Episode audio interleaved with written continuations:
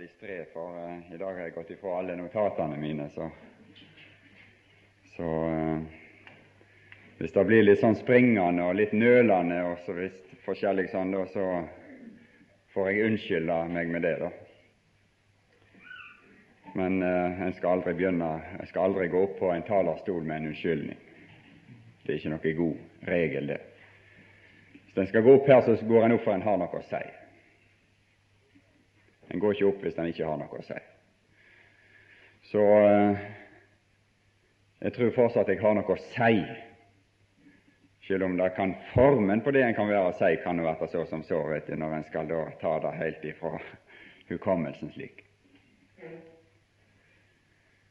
Vi leser eh, Salme 95 i dag, tror jeg.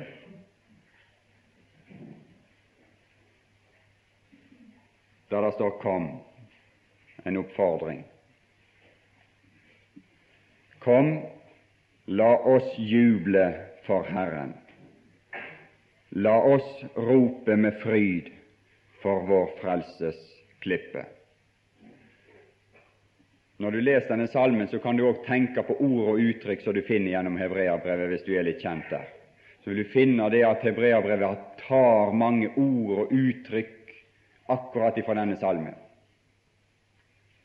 som viser hvor, at, at, hvor, hvor vesentlig denne salmen er for, for uh, den utleggelse og den oppbyggelse som er i dette brev. Som jeg sa, så, så bygger Hebreabrevet på to eh, brennpunkt, på to senter, nemlig Salme 95 og Salme 110. Og det er i denne Salme 95 vi finner det, det emnet som var satt opp. La oss trede frem for Hans åsyn med pris. La oss juble for ham med salmer. For Herren er en stor Gud og en stor konge over alle guder. Han som har jordens dyp i sin hånd og fjellenes høyder i eie. Han som eier havet, for han har skapt det, og hans hender har gjort det tørre land. Kom, La oss kaste oss ned og bøye kne. La oss knele for Herrens, vår Skapers, åsyn, for Han er vår Gud, og vi er det folk Han før, den jord Hans hånd leder. Ville dere Det er det som er problemet. Det er det som er vårt problem, og det er det som er Guds problem med oss. Og det var det som var Guds problem med Israel i den gamle pakt. Han greide å føre dem ut av Egypten. Han frelste sitt folk der ved lammets blod. Han førte de ut. Han løste de ifra faraos trelldom, Egyptens trelldom. Og han, han, han lot dommen over deres avgudsdyrkelse, for de var nemlig avgudsdyrkere i Egypten. Det var det de var. De dyrka Egyptens vederstyggelige avguder mens de var der. Og avgudsdyrkelse har bare én dom, nemlig døden. Én utgang, nemlig døden. Guds dom. Så én ting er å være træl under en forferdelig og fremmed makt, en annen ting er å være dømt til å gå under i Guds forferdelige vrede. Og de hadde begge disse tilstander av deres tilstand. Og det er vår tilstand av naturen. Det er der vi står. Vi er træler, som det står, av mange hånder, alle slags lyster, alle slags begjæringer, alle slags ting som påvirker oss. Og vi styres og ledes, og vi, vi føler høvdingen over over luftens makter. Denne verdens Gud, denne verdens høvding, han som regjerer og råder her, denne verdens Herre og Gud. Og Det er en forferdelig tilstand, det er en forferdelig herre. Men vi og folk flest er, ikke, er lite klar over egentlig den tilstanden. Men det er noe som er enda verre enn det, og det er at vi er under Guds forferdelige dom. Det er forferdelig. Det er av og til de sier at ja, det var et alvorlig møte eller noe sånt. Det er alvorlige ord osv. Det er alvorlig. Ja, ja, det er alvorlig. Vet du hva Hebreabrevet sier? Det sier at det er forferdelig. Det er forferdelig å falle i den levende Guds hender. Så det er ikke alvorlig, det er ikke sterkt nok. Det er forferdelig.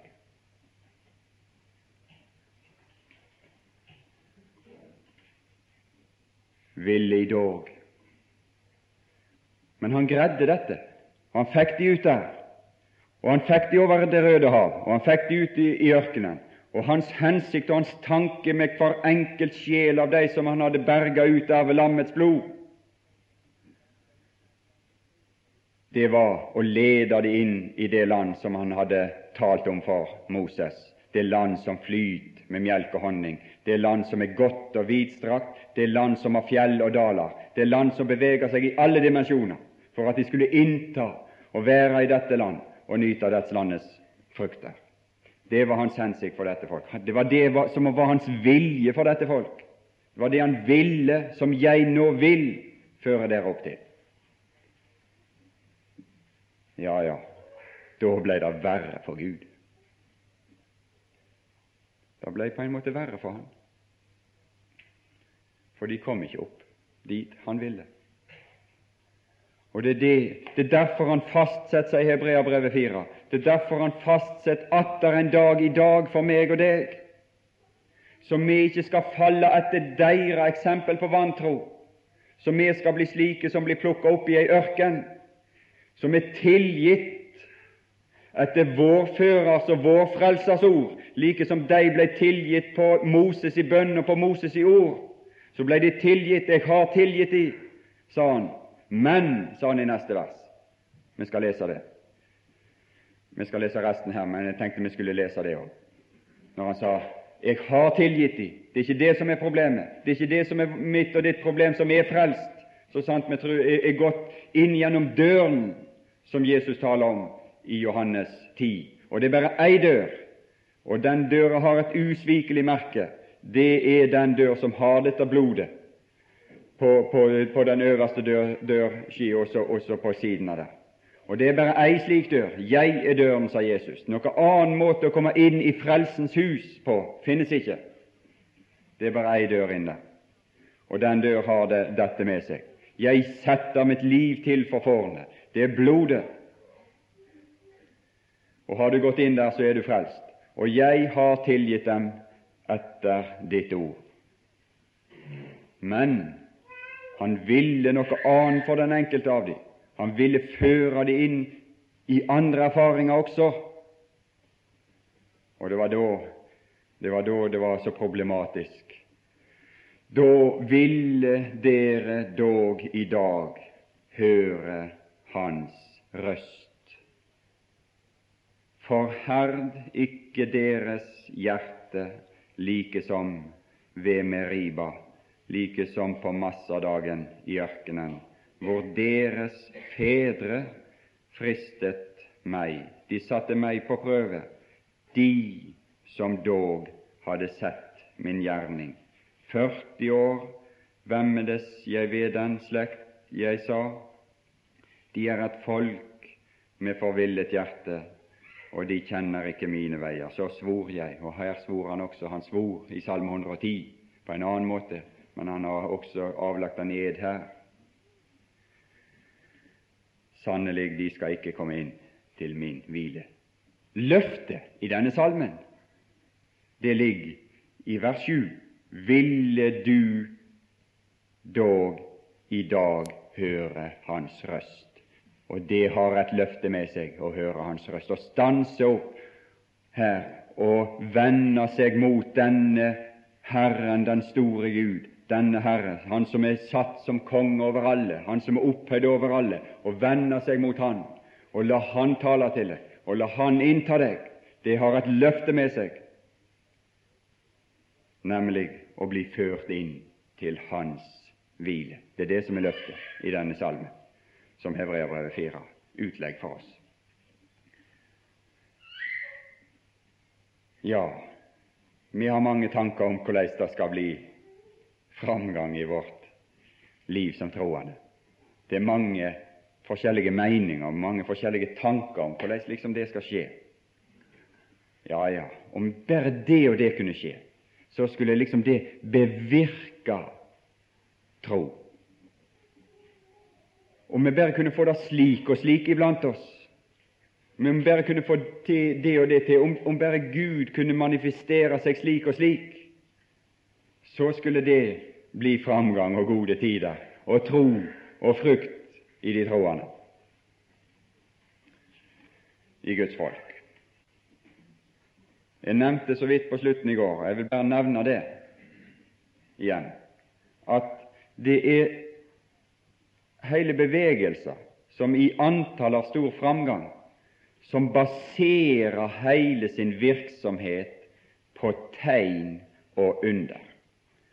Og som jeg sa i går, det, det, det er en, en, en, bevegelse som alle bevegelser som kommer fra Amerika. De har sin opprinnelse der. Alle moderne bevegelser kommer derifra. Og det er hovedordet, hovedgrunnlagsordet, er et ord jo Paulus. Ikke noe galt med det. Det er det som gjør det vanskelig å imøtegå. sant? Du skal begynne å samtale med slike folk. For jeg har folk som jeg kjenner, som er nå knytta til slike ting. Og så skal du samtale med dem. Det er ikke så lett. Vi bygger jo på Paulus lære, hedningenes apostel. Dette er vel måten å gå fram på for oss i Romerbrevet 15. 18. Det som Kristus har virket ved meg, for å føre hedningene til lydighet, ved ord og gjerning, ved tegns og underes kraft, ved Åndens kraft ved tegns og underets kraft ved Åndens kraft. Ja, ja, dette her er jo liksom mange av oss som har lært at det ikke er den måten det skjer på i dag. Men det er ikke så lett. Det er ikke nok bare at vi liksom har hørt noen si det. Vi må også forstå ja, men For det står jo her vitterlig. Det står jo her. Og det er mange andre ting som står. Hva har vært i, i, i, møte med mange folk liksom, som, som taler disse ting skal følge den som tror, osv. Og ifra, i, ifra Johannes evangeliet når Jesus sier de skal endatil gjøre større gjerning enn jeg. Det står jo der. Kan ikke, jeg, jeg, kan ikke si at det ikke står der, for det står der.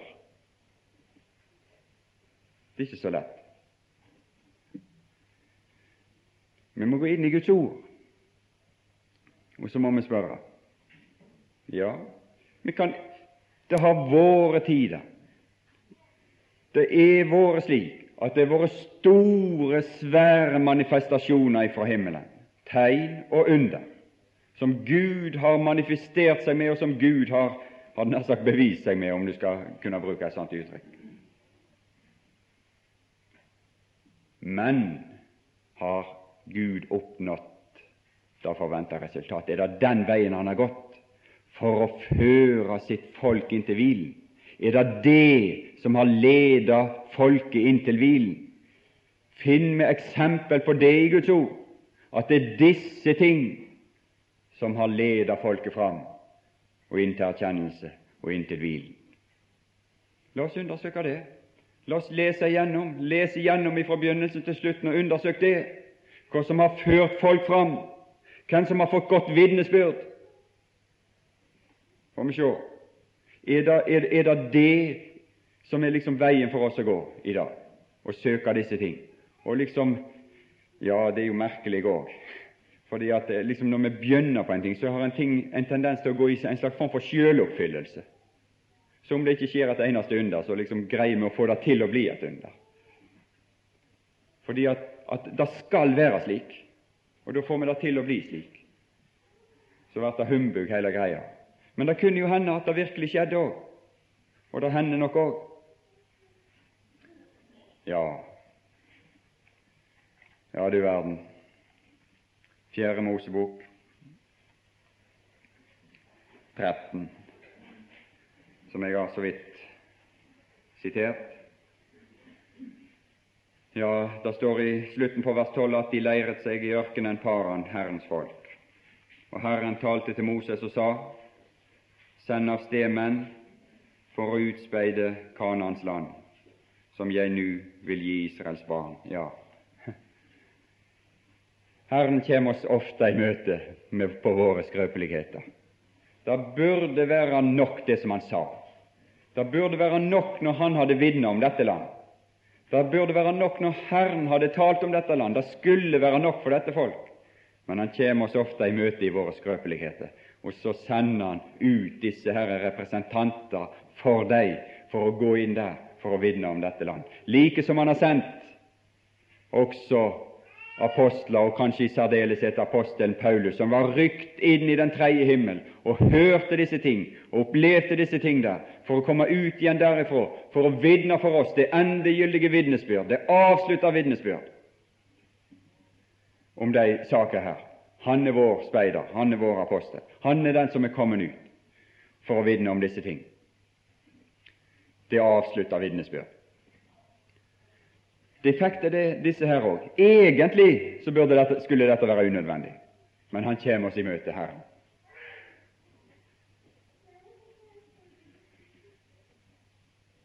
Og så videre. Til å utspeide Kanans land, som jeg ikke om 38 år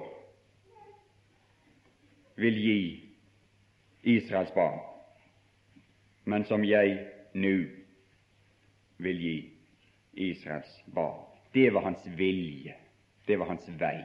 Det var det som var Herrens vei, som han taler om. Herrens vei gikk videre opp og inn i det land.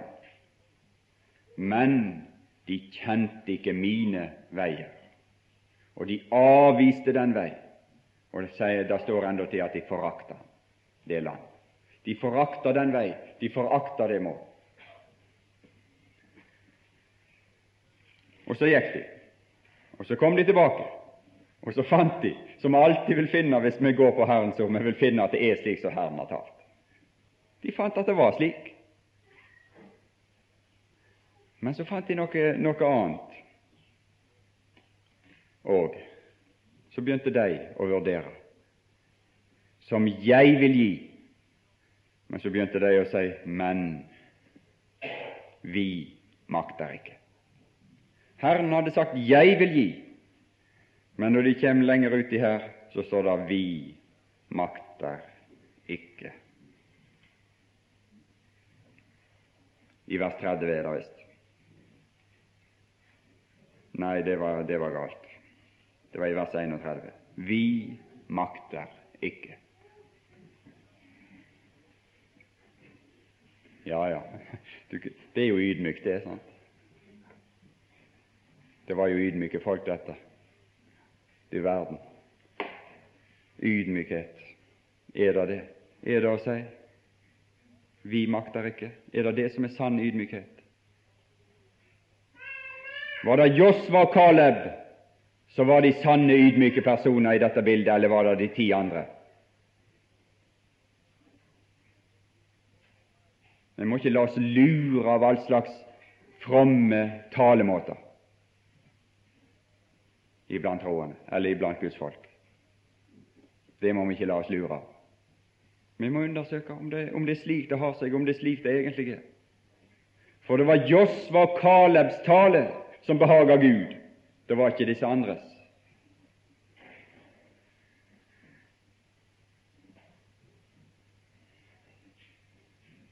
Jeg er klar over dette her er liksom kanskje litt fremmed for de som ikke har lest disse historiene, men jeg kan ikke lese alt dette her, det, det har ikke vi tid til.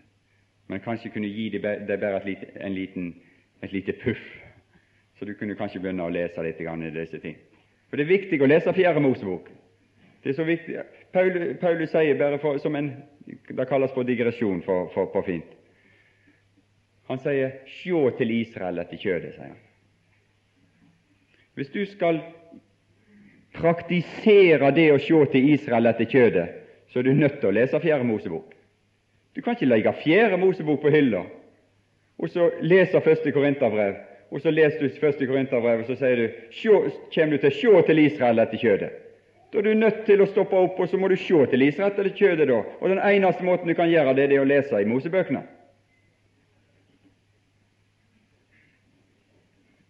Så vi kan ikke legge dem til sides, som mange har gjort. De har ikke idé om hva som står her.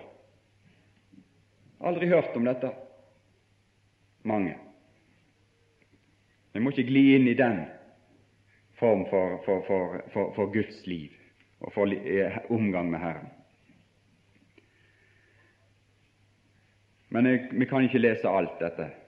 Vi kjenner vel kanskje de fleste, i hvert fall historien her. De ville ha det her og nå.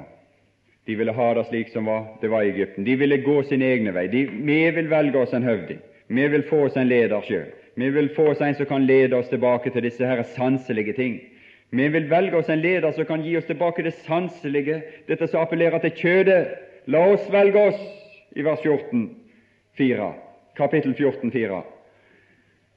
La oss velge oss en høvding som kan føre oss tilbake til kjødet og det som appellerer til sanser, det som, det som, som, som det er litt smak på. Løk og purre og alle disse stimulanser. Ja.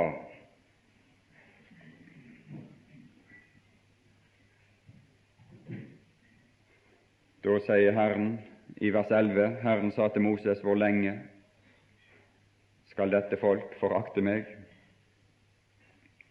Hvor lenge vil de la være å tro på meg? Ja, men var ikke det Guds folk, da? Det var Guds folk. Men hvor lenge vil de la være å tro på meg?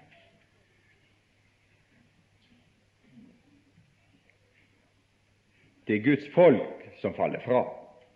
De faller ifra Gud, og de faller ifra Guds tale som det står om i Hebreabrevet. Så han faller fra den levende Gud. Det er en mulighet for meg, det, og det er en mulighet for deg å falle fra den levende Guds tale, at vi vender oss bort ifra Hans røst for å gå våre egne veier. Problemet her var ikke det at, at, at de gikk fortapt, at deres liv som sådan gikk fortapt eller det var vel kanskje det som er problemet, at livet deres her i verden gikk fortapt. Det ble ødelagt. Deres samfunnsliv, det liv i samfunn med Herren, at det gikk tapt. Og det er det som står, det står tale om når det er frafall. Og det er en mulighet for oss alle. Å falle fra den levende Gud, som ikke er under hans innflytelse med våre liv. Og det var det som skjedde her med dette folk. Men Herren tilgav dem Moses ba for dem. De hadde en talsmann, og vi har en talsmann, og, den, og vi har en talsmann om venn, så sant vi er gjenfødt, så sant vi har gått gjennom de blodbestengte døra og ut der, så har vi en talsmann. Og han, de hadde en talsmann, dette folk, jo Gud, og han ba for dem. Og i vers 20 så sier Herren, da sa Herren, jeg har tilgitt dem etter ditt ord. Og når Herren sa det, så mente han det. Og det står fast, at han tilgav dem et, på grunn av talsmannens bønn, på grunn av deres høvdingsbønn, på grunn av deres førers bønn. Jeg har tilgitt dem etter ditt ord. Og det er ikke det som er tale om frafall osv. Det, det, det er ikke det som ligger i det begrepet, det ordet. Men, står det i vers 21, så sant jeg lever. Det var noe annet som gikk tapt. Livet deres i samfunn med Herren og i utvikling sammen med Herren gikk tapt, og så ble de gående rundt der, på samme sted, resten av livet inntil ble, han tok de bort og ut. Og Det er det som er vårt problem, og det er det som er vår fare, og det er det som vi blir advart imot i Hebreabrevet. Det å ikke falle etter det samme eksempel på vantro som her er vist, slik at det, det skulle være klart. Ja, hvor lenge skal dette folk forakte meg, og hvor lenge vil de la være å tro på meg, enda jeg har gjort så mange tegn iblant dem? førte de veldige tegn til tro. De gjorde ikke det. Ja, ja, ja, så kan de begynne, stor, begynne, å snakke om store tegn og under i våre dager. Finnes det noe folk, noen forsamling, som har sett maken til det som disse folkene hadde sett? Da de hadde sett hva Gud hadde gjort med egypterne, da de hadde opplevd denne vandring ut av Egypt, da de hadde sett havet dele seg og gikk gjennom, da de hadde sett Gud ordne det for dem i ørkenen der, der de hadde sett manifestasjon på manifestasjon av tegn og under. Det som de måtte kalle for tegn og under i dag, det er bare, det bare pusleriet der imot det som disse hadde opplevd. Det, har ikke, det, har ikke, det er ikke i nærheten av dimensjon for øynene våre av det som dette folk hadde opplevd. Det, det, det når ikke til støvlene, sier vi en gang. Bruker vi her. Det når ikke engang opp til støvlene, til anklene. Er det det som er veien å gå? Herren viste disse ting, han gjorde disse ting, enda jeg har gjort så mange tegn iblant dem. Og Det blir gjentatt i Salme 95, og dette uttrykk blir gjentatt i Hebreabrevet. Enda de så mine tegn. Tror du det er det som skal til for at du skal tro? Tror du at det er slike omgivelser, hvis vi bare kunne komme inn i slike ting og få slike ting for våre øyne, så skulle vi tro?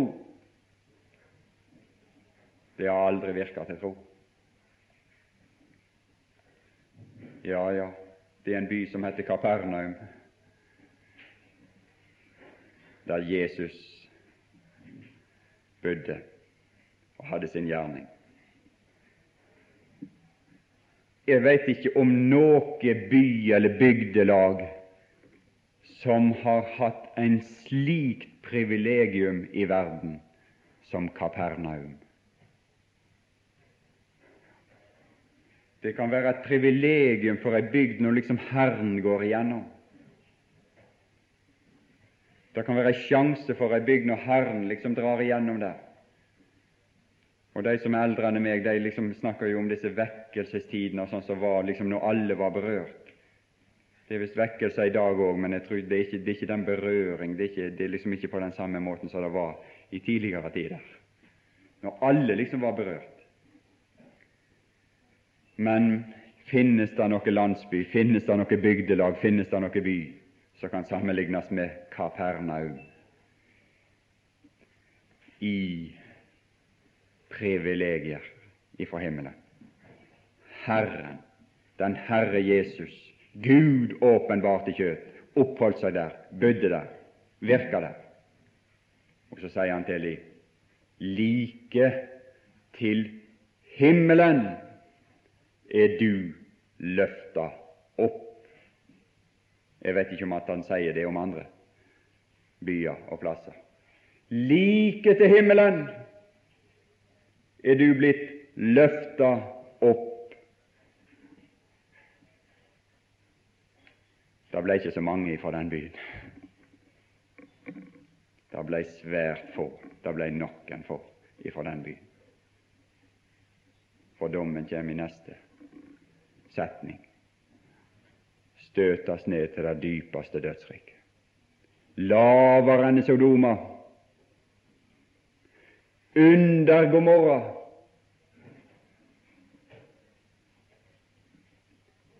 Ja, ja. Hvis det er dette du sitter og venter på, at det skal skje store ting og, og manifestasjoner, sant, og da skal jeg begynne å tro, så venter du forgjeves. Nei, du må begynne å tro nå. I dag. Du må begynne å tro på ei røst. Du må begynne å tro på en som taler ifra himmelen, men en som taler ifra den usynlige verden en som du ikke kan se, en som du ikke kan sanse liksom sånn, sånn, sånn med det kjødelige sanseapparat. Det er Han vi må begynne å tro med, og tro på. Dette du sitter og venter på, at det skal skje store ting og, og manifestasjoner og sånt, og da skal jeg begynne å tro. så venter du forgjeves. Nei, du må begynne å tro nå. I dag.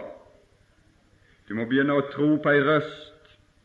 Du må begynne å tro på en som taler ifra himmelen, men en som taler ifra den usynlige verden, en som du ikke kan se, en som du ikke kan sanse liksom sånn, sånn, sånn med det kjødelige sanseapparat. Det er Han vi må begynne å tro med og tro på.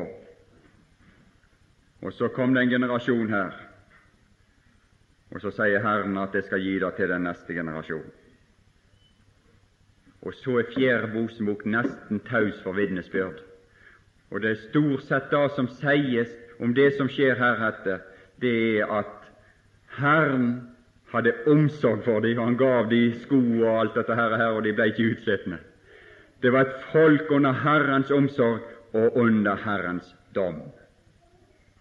Og de fikk bud, og de fikk formaninger, og de fikk noe dusker vet du, ned på, på der, så de skulle ikke fare hit og dit etter så øynene drog de, men så skulle minne de om ting. Men, men egentlig er undernes og, tid, og tegnenes tid forbi i Fjerde Mosebok 14. Det skjedde et under seinere, når, når, når, når, Moses slo på klippen, og da slo han i vantro.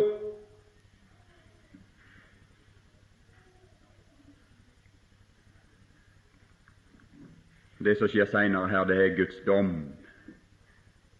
Det er Guds dom for å rense sin menighet, for å rive ut av menigheten det som ikke skal være der. Og Av og til måtte han gripe inn. Men det han òg sier, det er at de skal de skal òg rydde ut. Det er det som er det ideelle, at de, de kunne ha såpass åndelig forstand og innsikt at de kunne ta ut av menigheten det som skulle ut. Og Av og til måtte han gripe inn, og det kan du lese om i første Korinterbrev. Det er da griper han inn og, og tar bort det som ikke skal være der.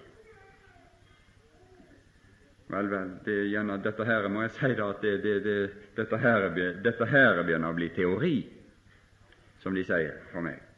For det er så vanskelig å, å, å, å få dette til å fungere i våre sammenhenger i våre dager, synes det sånn. Men det er i hvert fall dette som idealet. Vi må i hvert fall ikke glemme idealet om vi ikke greier å oppfylle alt dette i praksis. Så la oss i hvert fall ikke glemme idealet.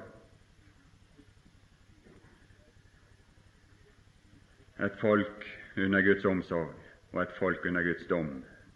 Men da tegn og unders tid egentlig var forbi. For vi leser ikke om det videre i Fjerde Mosebok. Men arten arten av dette folk som var deres etterfølgere, var i grunnen samme. Det var samme kjød i dem òg. Og Herren måtte stadig gripe inn. Og så var det mange av dem òg som da ikke kom inn. Herren sendte serafslanger når de begynte å murre og knurre og de som holdt seg til Koras flokk, og de som, de, som, de som, gjorde opprør imot den guddommelige utvelgelse, de ble reven bort, tatt bort. Og de som forakta mannen så sendte Herren serafslanga inn. Det var i det 40. år, det, faktisk. Det var helt på slutten, det. Serafslangene og dette, dette som skjedde i ørkenen der, kom inn. Ja, og det er knurr, og vi leser om knurr her òg. Det er akkurat samme arten på disse folk som han lovde det. Men det var, disse, det var blant disse etterkommerne av disse at han førte, førte folket inn. Som Moses taler om i, i, i sin avskjeds eller da i femte Mosebok, når han gjennomgår disse ting. I eh, kapittel 2 vers 14, den tid vi var på vandring fra Kades Barnea til vi gikk over Seredbekken, var 38 år. Og da var hele den slekt, alle våpenføre menn, utdød av leiren, som Herren hadde svoret at det skulle gå dem. Og Herrens hånd var også mot dem, så han rev dem bort av leiren til det var ute med dem, da nu alle våpenføre menn var utdød av folket. Så var disse, det var den neste generasjon som, som, som, eh, ikke, som var født der i ørkenen, og som ikke hadde vært vitne til eller ikke kunne innta ta alle disse store tegn og under som Herren hadde, hadde ført fram, men som var avhengig bare av vitnesbyrd om dette, det var de han førte inn. Men det var samme kjød i dem. Det var den samme art. Og Derfor leser vi om knurr og forskjellige ting. Og det er det som er, er, er det samme. Hva gjorde Herren med dette? Hva gjorde han i, i 4. Mosebok 21 med disse her serafslangene? Jeg vil ikke lese om det, men hva gjorde han? Han førte noe inn. Det ble brukt et uttrykk her første kvelden, eller andre kvelden. Han førte Kristus inn for å løse dette problemet. Og de som vendte seg imot Kristus, ble berga. Og det er det som er vårt vei i dag i Guds menighet, blant Guds folk. Det er at Han har ført Kristus inn for oss. Og det som kan berge meg, og det som kan berge deg, det er at vi venner oss til Han. Og det er det som kan stanse opprøret, og det er det som kan stanse opprøret i meg, og det er det som kan stanse opprøret i deg, og det er det som kan stanse knørren, og det er det som kan kvele tvilen. At Kristus føres inn. Og Du kan lese 4. Mosebok 17. Der er det knurr igjen. Der er det knurr. Og splid. Det er første Korinterbrev, det. 4. Mosebok 17, det første Korinterbrev. Det jeg holder meg til, Den og den og den og den jeg holder meg til. De ble knurr, og det var uenighet om hvem det var Herren hadde utvalgt. Noen mener den, og noen mener den. Ja, noen mener Luther, og noen mener Calvin, og noen mener Menno, og noen mener Sinsendorf, og noen mener din, og noen mener den. Alle slags navn som vi støtter oss til, og som de, Guds folk støtter seg til. Og så er det blitt ei blanding av alt mulig. Og så er det trette, og så er det splid.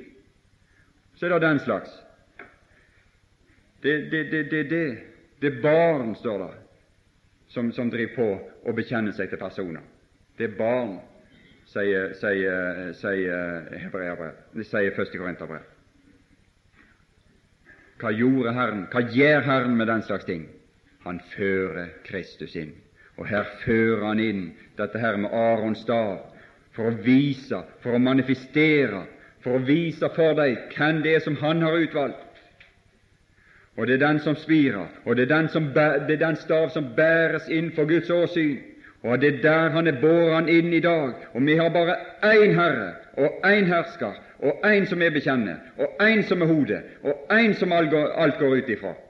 Og all enhet, all åndelig enhet har sin forbindelse og sin, sin knytning til Han som hode. Og hvis det ikke er Han som er hodet for enheten, så er det ikke ingen enhet i åndelig forstand. Hvorfra all enhet utgår, alle bånd, det utgår fra Han, som det er så klart lært i Kolossensabrevet og i Feserbrevet. Og det er det, det her vi må inn. Det Kristus føres inn for å stanse knurren, og for å stanse spliden, og for å stanse tretten. Og noe annet middel veit ikke jeg.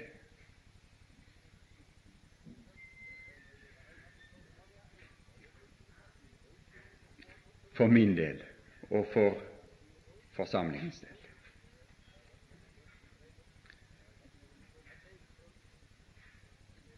I kapittel 4. Mosebok 17,5. Da skal det skje at den manns stav som jeg utvelger, skal spire. Så får jeg vel fred for Israels barns knurr, som de plager dere med. Og så vet vi at det var en, en, en, bla, en stav som spira, og vi vet hva han er bildet på. Det er Kristus. Og så bæres denne stav inn for Herrens åsyn i vers 10. Herren sa til Moses, bær Arons stav inn igjen foran vitnesbyrdet for å gjemme som et tegn for de gjenstridige, og du skal gjøre ende på deres knurr, så jeg slipper å høre på det. Ellers skal de dø. Det er det som er vår vei. Det er inn for troen. Det er inn til denne stad. Det er å rette, vår, rett, rette oss inn derimot, for det er der vi har fått adgang. Og Det er der vi vår frimodighet er. Det er der vi har fått frimodighet til å gå inn. Det er der vårt håp er. Og det er dette som Hebreabrevet sier så framt vi holder vår frimodighet fast, så sant vi holdt vårt håp fast, det er Han som er inn på tronen, det. Det er Han som er oppstanden, det er Han som har spira, det er Han som har satt skudd, det er Han som er båren inn der, det er Han som ser på tronen. Det er der vi må rette oss, så fremt i Hebreabrevet 3 der, så fremt vi holdt vår frimodighet fast, og vårt håp, som er rosa oss av, fast. Det er der, det er der vi må rette oss inn, til Han som sitter på tronen. Det er der vi må gå. Det er Han Herren har utvalgt. Det er Han Herren har ført inn. Er ikke du fornøyd med Han? De fleste er ikke fornøyd med Han. De sier vi vil ha, no vi, vi vil ha noen andre å se opp til. Det er så vanskelig å se opp til en mann som er usynlig. Men det er det vi må, vi må holde fast på den usynlige, den usynlige verden som vi taler om. Og det er den som kan stanse min trette og min knurr og bringe meg til hvile og til ro og føre meg inn til hvilen, så det står. Ja, og det er det som kan bringe tretten mellom oss bort. Det er Han som sitter her, når Han fører oss inn. Vår eneste hersker og Herre.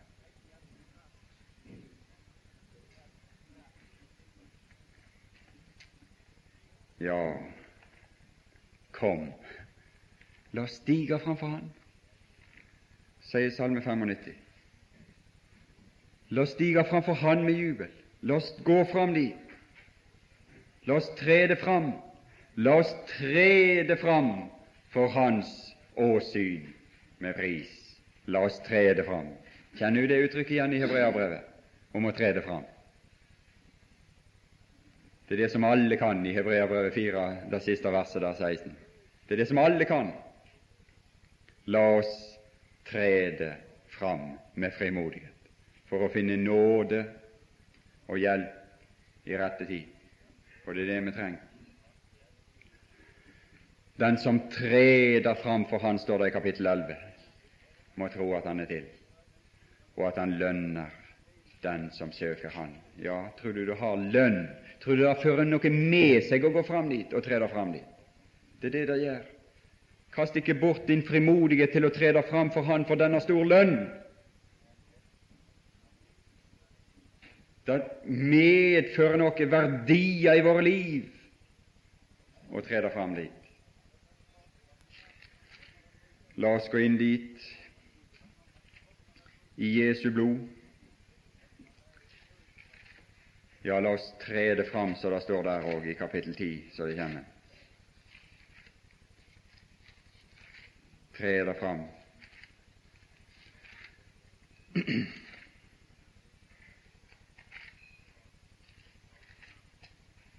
For det har en slik god virkning. La oss tre det fram i vers 22 med sandru hjerte, i troens fulle visshet renset på hjertene fra en ond samvittighet og tvettet på legemet med rent vann.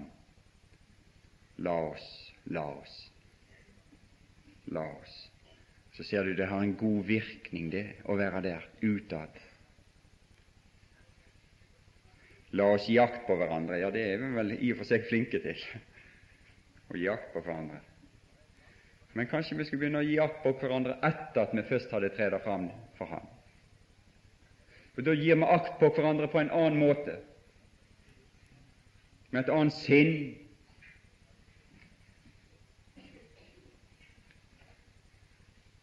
så vi oppgløder. Ja, I visse engelske bibelske oversettelser tror jeg det står en til 'provoke'. Pro, hvis du skulle oversette til norsk, så kan nesten 'provosere'. Provosere hverandre. Ja, det har fått en negativ ladning, men her er det en positiv ladning. Til kjærlighet og gode gjerninger. Å holde fast på vår egen samling sammen, er det som står i neste vers. Det er ikke den og den forsamling, sånn som vi vanlig tenker på det, men vår egen samling sammen nemlig samlingen til Herrens navn, til Jesu navn. Da det er det som er samlingskriteriet og punktet, og det er det det dreier seg om, og ikke all slags andre ting. Det det som samler oss i dag, sier de. Det som samler oss i dag, det er det og det og det og det. Menige, den samling som det står tale om her, da må det være Herrens navn som samles. Hvis ikke, så er det ikke. Hvis ikke, så er det ikke en samling, i den forstand som det står her i Hebreabrevet 10.25.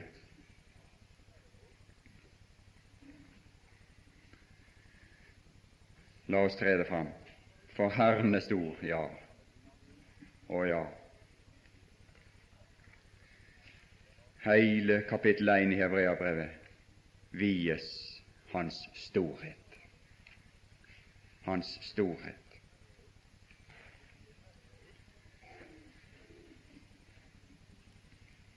Han er satt til arving over alle ting ved hvem han har gjort verden, avglansen av Hans herlighet og avbildet av Hans vesen.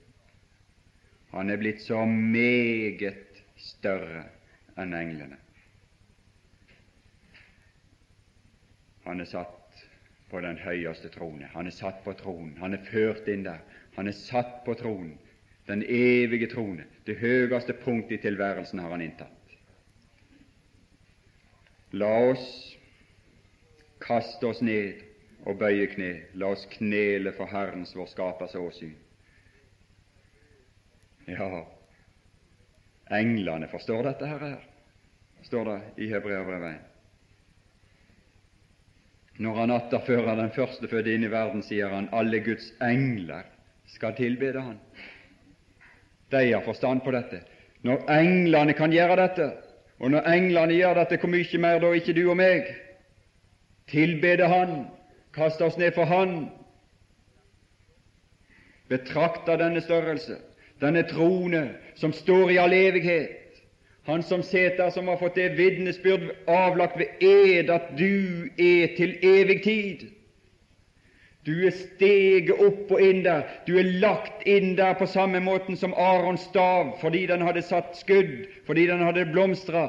Så blei den ført inn og opp der i kraft av det at han hadde blomstra og satt skudd, i kraft av de kvaliteter som var i Arons stav.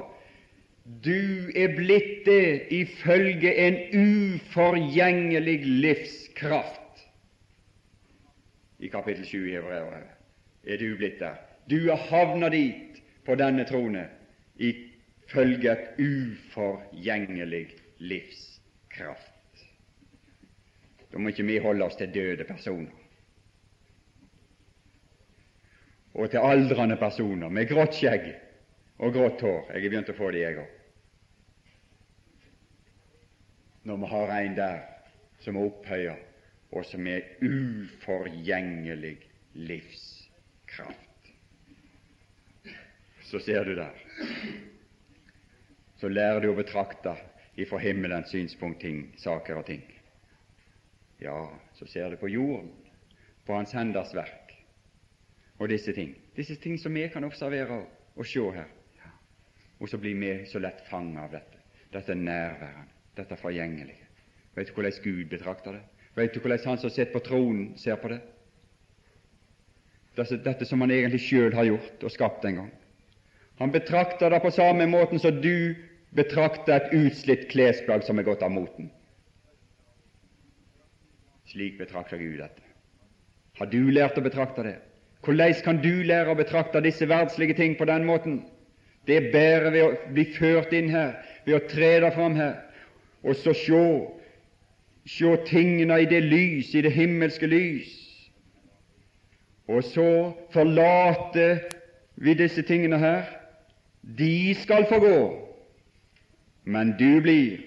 De skal alle eldes som et kledebånd. Som en kåpe skal du rulle dem sammen, og de skal omskiftes. Men du, så vendes blikket ifra disse ting til Han som seter. Men du er den samme, og dine år skal ikke få ende. Er det der vi er det der vi går inn?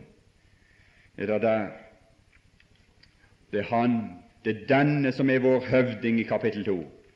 Det er denne som er vår leder.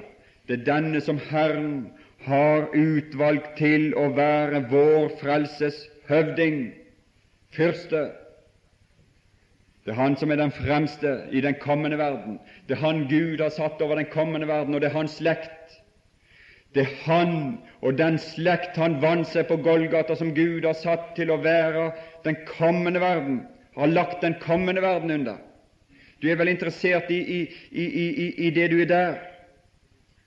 Veit du ikke, sier Paulus, det var kunnskap som de ikke hadde i Korint. Veit det ikke at det skal dømme engler? Og så er ikke de i stand til å dømme om de ringeste ting i denne verden, de usleste ting i denne verden. Veit de ikke at det skal dømme engler? Veit de ikke at Gud har lagt den kommende verden under dere? Ja, ja, vi må inn her for å lære. Vi må inn til Han for å lære, for å skjønne disse ting, for å innta disse ting. Det har stor lønn er vi der, oppholdt med oss her.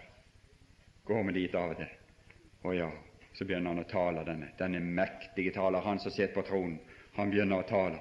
Derfor må vi så meget mer gi akt på det vi har hørt, så vi ikke skal drive bort derifra, vi ikke trekker oss tilbake i likegyldighet, slik som de gjorde, vi avviser Hans røst som taler ifra himmelen, slik som de gjorde.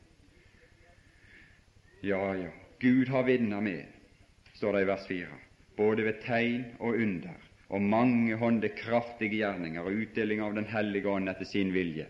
Og de som fikk oppleve disse ting i den første tid, de menigheter, hvordan gikk det med dem? De er radert ut. Du kan reise opp lille Asiakysten til de sju menigheter i åpenbaringen. De sier det, jeg er ikke kjent der, men det sies av de som er kjent. Du kan leite med lys og lykte etter en som bekjenner Jesu navn. Du vil vel knapt nok finne en. Det er totalt mørklagt av Island. Fullstendig borte. Hadde de ikke nok, disse, med tegn? Det var disse som fikk disse, disse første meninger, disse som så disse første kraftige ting. Det er ikke det som skal til, men det er det at vi venner oss til Han, Kristus, at Han blir ført inn for oss, så vi venner oss til Han, og så stanser vi opp med denne veldige person. Ville dere dog i dag høre Hans røst og leve i samfunn med Han under Hans innflytelse, som ikke taper det? Det er ikke det at vi kan oppfylle, det er ikke det at vi kan være alt som han sier. Det er ikke det at vi kan leve syndefritt framover og liksom skal være så og så fromme osv. Så Men det er det at vi ikke avviser han. Du må ikke komme i den posisjonen og den stillingen at vi avviser han, slik at han avviser oss og lar oss bare gå der inntil han plukker oss opp en dag.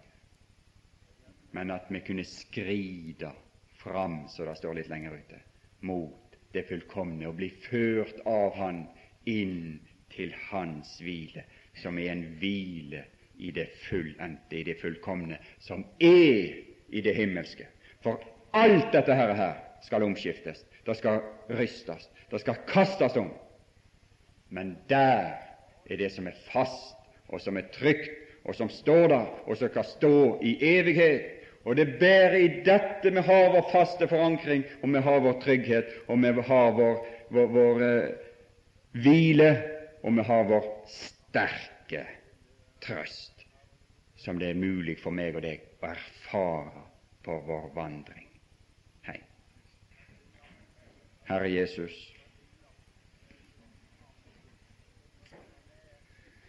ja, vi takker deg for røsten ifra himmelen, dette budskapet fra himmelen. Å, dette rop, dette rop om at det er frelse i ditt blod som nådde vår sjel en dag. Syndernes forlatelse, det skal ropes ut. Og jeg takker deg og jeg priser deg at dette rop nådde min sjel, nådde mitt hjerte, at jeg fikk ta imot det, tro på det og bli frelst. Evig frelst. Herre Jesus, så slutter ikke du å tale når du har fått frelst oss, men det er egentlig da du begynner å tale. Herre Jesus, får du gi oss den enkelte nåde til at vi ikke avviser deg, at vi ikke avviser deg som sitter på tronen, du som er opphøyd i all evighet, du som er oppreist, du som sitter i kraft og herlighet, du som er kront med herlighet og ære. Gi oss nåde den enkelte til, at vi ikke avviser deg, men at vi treder framfor deg, så du kan tale til oss, og at den rike frukt av denne tale kan avsette seg i våre sjeler, i våre liv, i vår opplevelse, i vår erfaring, så vi kan eie denne hvile, og vi kan eie denne sterke trøst for vår egen del, og som også kan bli til nytte for våre omgivelser. Herre Jesus, velsigner denne forsamling, velsigner denne flokk, velsigner den enkelte, og gi nåde og hjelp til den enkelte i rette tid. Herre, vi ber fortsatt for dagen, og vi ber for samverna, og vi ber for stundene mellom samverna, og samtalen og samfunnet mellom oss. Herre Jesus, må din miskunnhet fornå oss.